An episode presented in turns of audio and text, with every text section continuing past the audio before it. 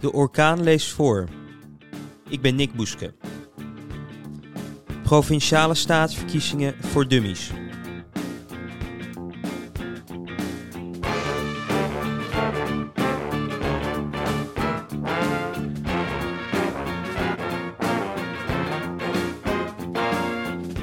De verkiezingen komen eraan. Op 15 maart kunnen we stemmen voor de provinciale staten en waterschappen. Afgelopen vrijdag is een kandidatenlijst voor de provinciale staatsverkiezing in Noord-Holland bekendgemaakt. Nu horen we je denken, wat zijn de provinciale staatsverkiezingen ook alweer?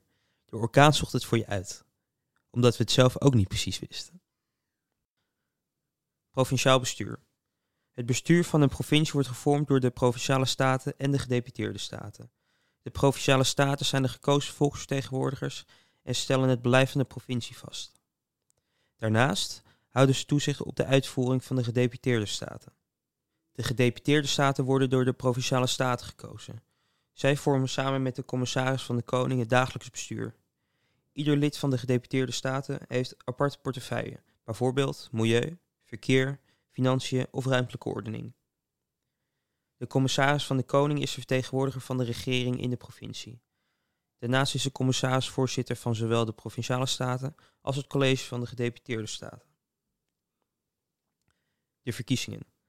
De provinciale staatsverkiezingen zijn verkiezingen waarbij burgers kiezen voor de leden van de provinciale staten, die verantwoordelijk zijn voor het beleid in de provincie. De provinciale staten beslissen over onderwerpen als economie, verkeer en milieu.